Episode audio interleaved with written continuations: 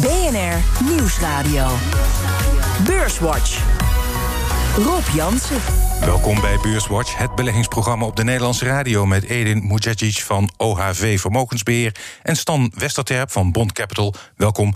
Ja, altijd vooraf kijken we even naar uh, de verwachting. Jullie verwachting vorige week was geen beste week voor de AX... maar deze week zat hij per saldo stevig in de lift, naar boven wel te staan. Uh, ja, Stan, wat is jouw verwachting voor de aandelenbeurs de komende weken?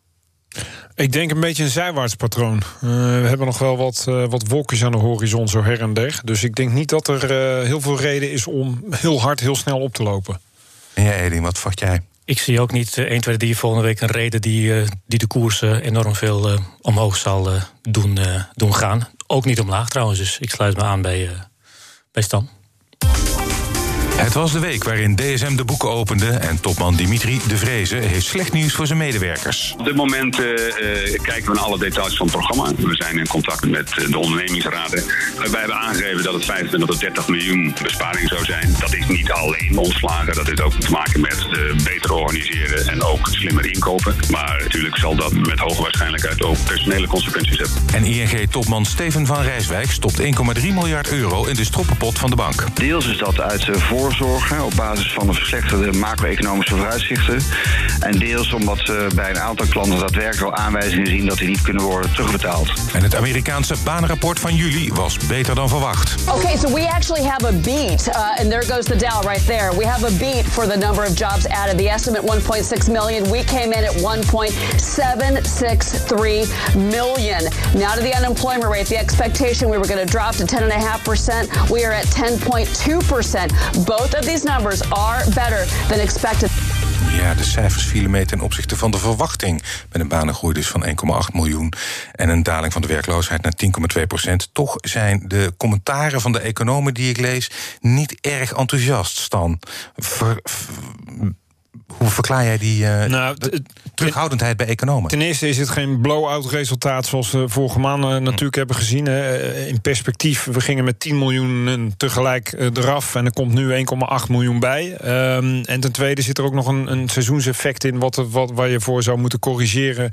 Normaliter zie je dat de leraren in deze maanden niet meedoen aan het arbeidsproces, zeg maar. Hmm. dus als je die eruit zou halen, dan scheelt het weer een paar honderdduizend banen. Ehm, ja, per saldo, het gaat omhoog en dat is goed om, uh, om te zien. Maar het is nog lang niet uh, voldoende natuurlijk om weer uh, op pre-corona niveaus te komen. En dat gaat ook niet hard genoeg op dit moment. Edin, niet hard genoeg. Denk jij dat ook? Het um, Amerikaanse Bureau voor de Statistiek, dat ons dus deze cijfers liet zien, schreef ook helemaal onderin dat er wat uh, uh, statistische uh, fouten zijn gemaakt. in de zin van hoe mensen geclassificeerd worden. En dat komt doordat mensen niet meer geïnterviewd worden, maar via de telefoon doorgeven. En het bureau zegt zelf, als we die de fouten eruit halen... dan zou de werkloosheid om en nabij 11% hebben gelegen. Hmm. Dus dat geeft het al een beetje aan. Ja, het is een goed cijfer in de zin dat er nieuwe banen bij zijn gekomen... maar om op basis hiervan te gaan juichen... het zijn ook meestal banen... Um, die erbij zijn gekomen doordat restaurants die dicht moesten, nu weer open zijn gegaan. En het, het, het, het meetpunt is uh, medio van de maand. En uh, dus al het nieuws van de afgelopen weken dat er weer op grote schaal restaurants dicht moeten gaan, moet nog komen. En dat komt volgende maand pas. Dus uh, niet al te goed cijfer. Ja, Stan, dan is er ook nog geen akkoord over de steunmaatregelen tussen de Republikeinen en de Democraten. 31 miljoen Amerikanen zien daardoor hun inkomen, uh, uh, of de steun die ze krijgen, uh, halveren met 600 dollar per week. Um, dat is voor ja, een economie die gedragen wordt door consumptie uh, voor een groot deel, denk ik, uh, een groot risico. Ja, daar gaan we er uh, gevoeglijk even vanuit dat die Amerikanen ook niks meer op de spaarrekening hebben staan. En uh, dat ze aan de onderkant zeg maar, van de samenleving zitten. Uh, dat is niet het geval. en als je refereert aan consumptie, ik bedoel, een heel groot deel daarvan is ook om vaste lasten te dragen. Die hypotheek, mm. gas, water, licht en zo op het huis. Dus niet alleen wat we in de winkels kopen. Mm. maar je hebt een punt. En gek genoeg is dat banencijfer dan ook weer van belang. Want dat zou de juiste trigger kunnen zijn voor politici en, en, en, en, centrale banken wellicht. Om te zeggen, we moeten toch weer wat meer stimuleren. Want het, het herstel is, is, is veel te broos. Mm. Dus misschien uh, dat ze zich toch nog eens achteroor uh, zullen krabben met dit uh, cijfer in het achterhoofd. Om, om volgende week toch op, tot andere conclusies te komen. Het zit ons ook allemaal niet mee, ook in de VS niet. In de zin, als dit geen verkiezingsjaar was geweest, waren ze al lang en breed uit. Mm. maar je zit met het feit dat, dat, dat begin november gaat men stemmen. De de, de, de verhoudingen staan daar echt, echt op scherp. Dat zijn natuurlijk nooit eens, maar dit jaar is het echt extreem. Dus op het moment dat je als democraat nu echt mee gaat werken met het Witte Huis om een steunpakket aan te kondigen, dat ergens toe doet, dan weet je ook dat de kans voor herverkiezing van je vijand daardoor stijgt. Dus het, het, is, het, is het komt heel ongelukkig uit, dit. Ja, ik, las een, een, artikel van James Knightley, ING-econoom, die verwacht voor augustus een slechter uh, rapport. Jij ook? Ja, want uh, nogmaals, eh, het, het, nieuws van de afgelopen weken uit, Amerika, uit het grote deel van Amerika was steeds meer nieuwe coronagevallen, steeds meer steden en staten die opnieuw soort van lockdown-maatregelen nemen. Met als gevolg dus onder andere restaurants, eh, bars, die gaan weer dicht. Dat effect zit nog niet in het cijfer wat we vandaag hebben meegekregen. Dat komt pas in augustus. Ja, dus ja. in september. Ja.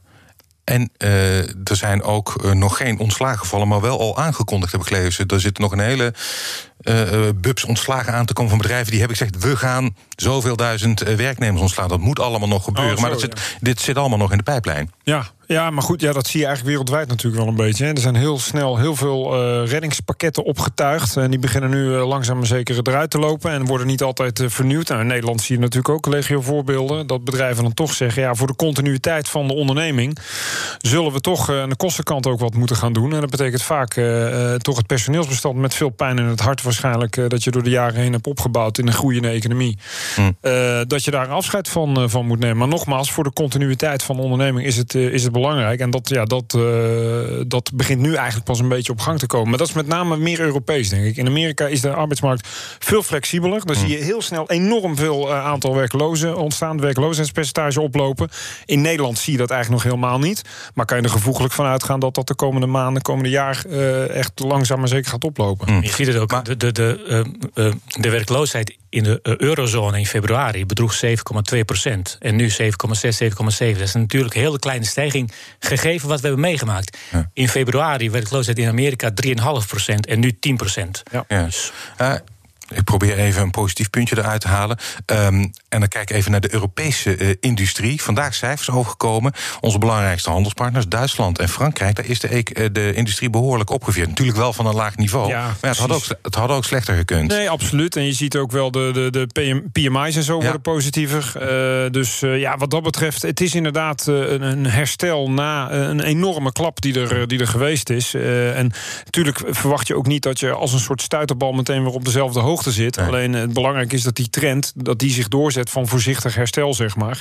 Um, en dat we niet, uh, ja, zoals in Amerika, zo meteen weer tegen een negatief banencijfer aan zitten kijken. Ik denk dat je voor dit jaar rekening mee moet houden. Als ik, als ik naar de situatie in de VS kijk, als ik kijk naar uh, hoe snel het coronavirus weer om zich uh, grijpt, hoe, hoeveel moeite de politiek in de VS heeft om tot een nieuw pakket steunmaatregelen te komen.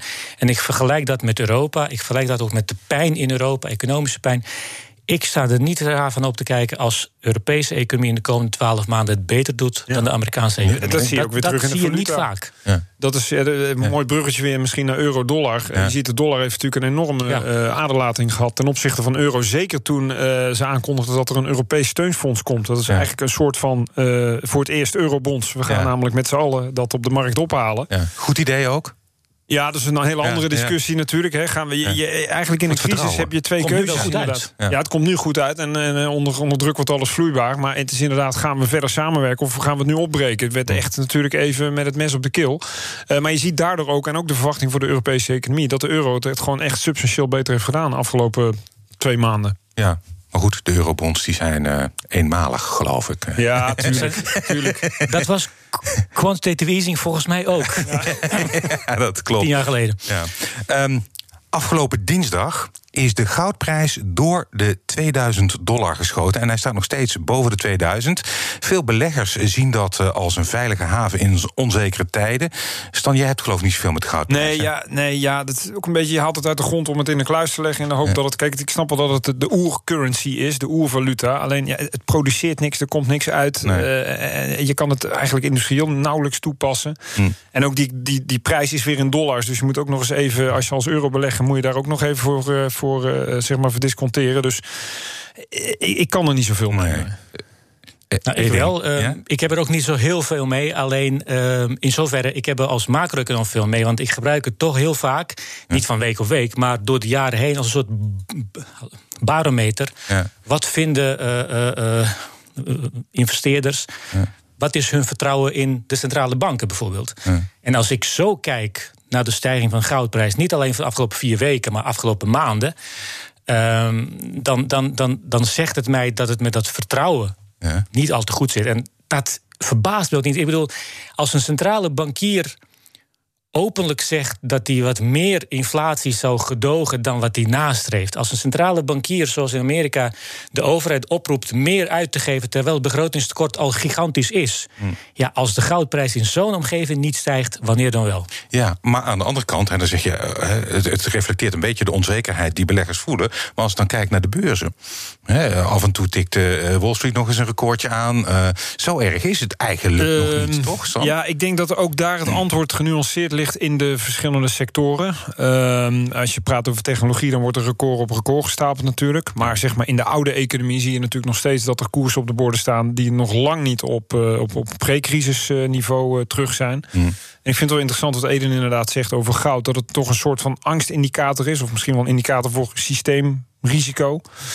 Ehm, als je er zo naar kijkt. Maar ik ben meer bedrijfseconoom, dus ik hm. kijk inderdaad meer naar de bedrijven. Dat is ook zo'n goede combi. wat, zijn, wat, zijn, uh, wat zijn die dan waard? En dan zie ik wel grote discrepanties tussen sectoren. Aan de ene kant technologie, wat een enorme waardering heeft. maar die draagt het eigenlijk. Die draagt het eigenlijk inderdaad. Maar we hebben ook wat cijfers gehad afgelopen week van, uh, van Nederlandse bedrijven in de oude economie. Uh, Financials, olie en zo. Ja, dat is nog steeds allemaal qua waardering heel interessant. Maar nog steeds op, op, niet op niveau waar het zou kunnen staan. Ja, u luistert naar Beurswatch met eh, Edin Moezacic van OHV Vermogensbeheer en Stan Westerter van Bond Capital. Voor we verder gaan maken we even de balans op van de afgelopen week. De AEX die sloot vandaag op 559,6 punten, 2,6% hoger dan vorige week. Stijgers. Op 1. ING met een plus van 12% in de weektijd. Op 2. NN Group met een plus van 10,7% En op 3 ook een Financial ASR met een plus van 10,1% en het midcap aandeel dat het best presteerde deze week was PostNL met een plus van 17,1% Dalers. Op 1 Heineken verloor deze week 7% en is daarmee de grootste daler. Op 2 wel vaker Unibuy Rodamco Westfield in deze lijst met een min van 4,7% En op 3 KPN met een min van 2,8% In de midcap was de grootste daler deze week Intertrust met een min van 2,4% En de AX is deze week vier van de vijf handelsdagen hoger gesloten. Um, veel cijfers. Ik wil eerst eventjes naar iets wat de, uh, veel in het nieuws is geweest deze week. Speelt in Amerika, China. Het gaat helemaal over de relatie China-Amerika, maar is heel erg bedrijfsgerelateerd. Um, en dan heb ik het over TikTok, de Chinese video-app. Razend populair, vooral ook bij Amerikaanse tieners. Microsoft is in onderhandeling om, naar nu blijkt, alle internationale activiteiten, dus exclusief de Chinese, over te nemen. Trump bemoeit zich daar actief mee. En zolang die deel uh, er niet is of gaat mislukken, moeten alle Amerikaanse bedrijven hun activiteit op TikTok staken. En Trump heeft ook het Chinese WeChat in de ban gedaan. Ja. Stan, Ehm, Trump doet uh, eigenlijk qua staatsbemoeienis uh, nauwelijks onder voor China. dat is een interessante conclusie, maar ik denk wel dat je gelijk hebt, ja.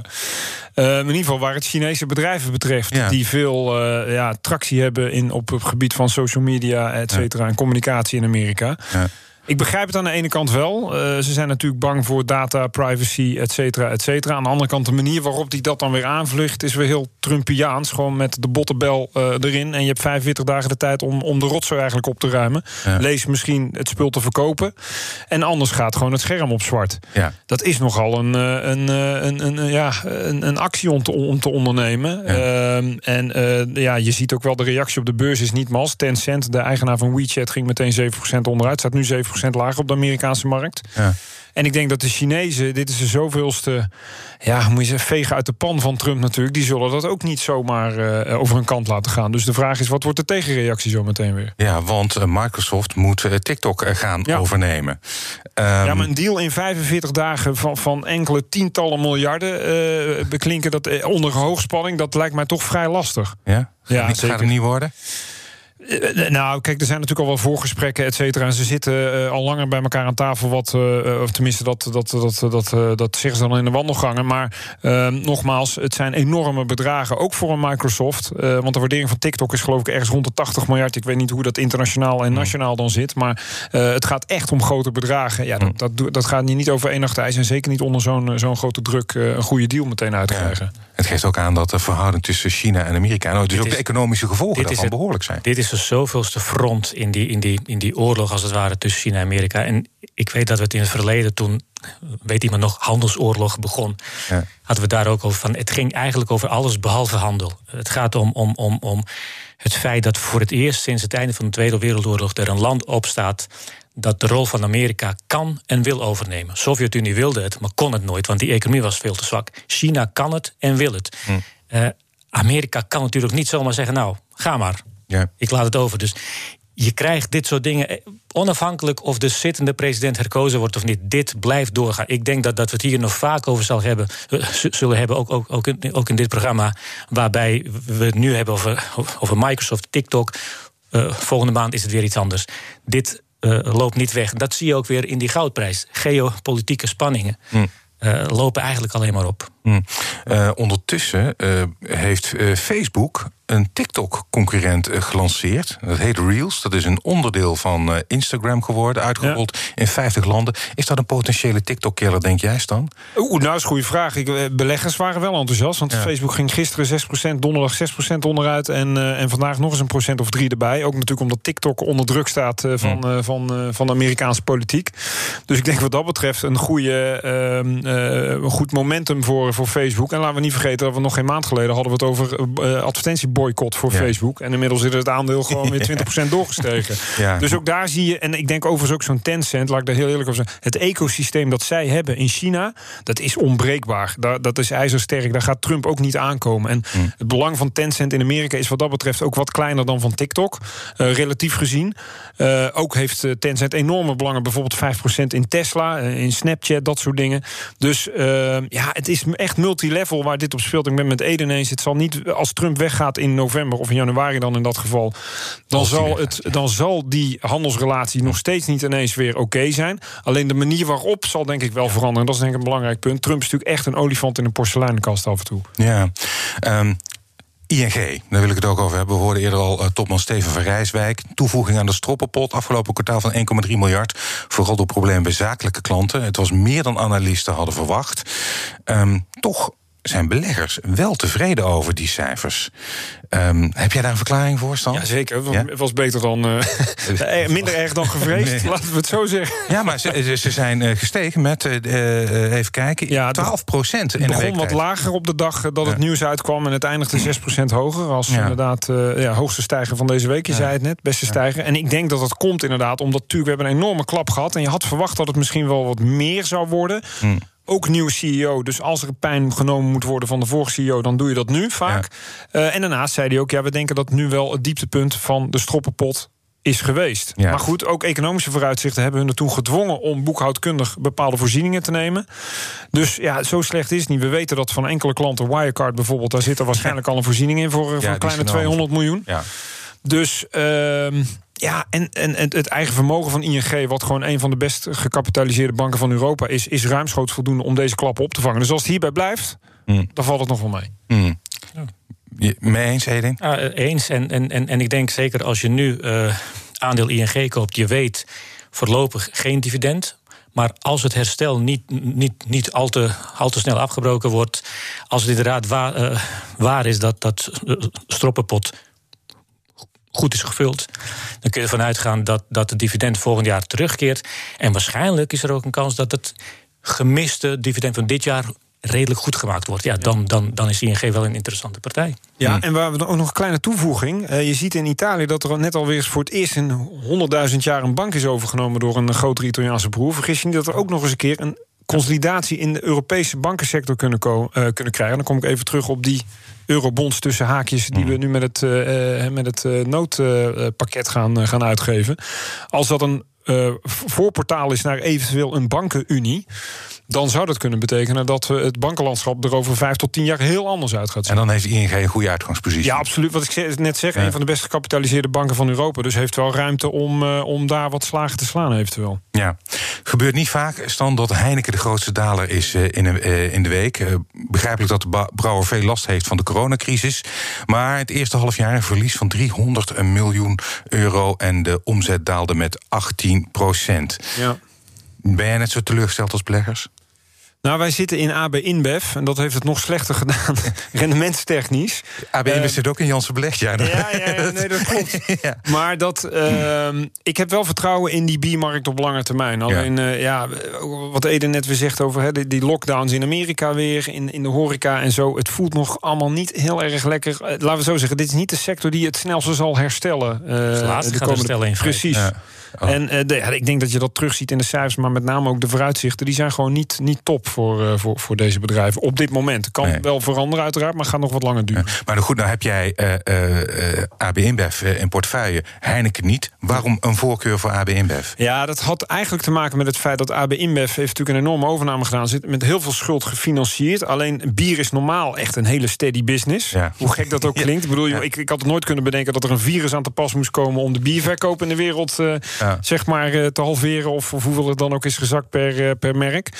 Um, maar normaliter kan dat wel tegen een wat grotere leverage. Waardoor je hefboom in principe op uh, succes ook wat, wat groter is. Dat was de reden InBev te kopen. En ik heb nog steeds vertrouwen op lange termijn een bedrijf dat ze dat gewoon gaan redden. Ook financieel. Mm. En dan denk ik dat AB InBev met de merkenportefeuille die ze hebben. Een derde van alle biertjes in de wereld komt van, van dat bedrijf.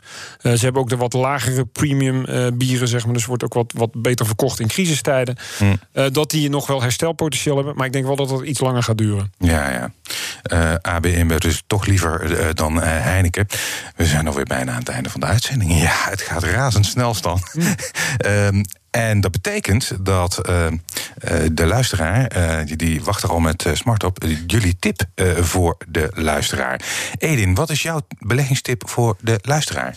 Ik geloof dat ik het eerder al heb gezegd.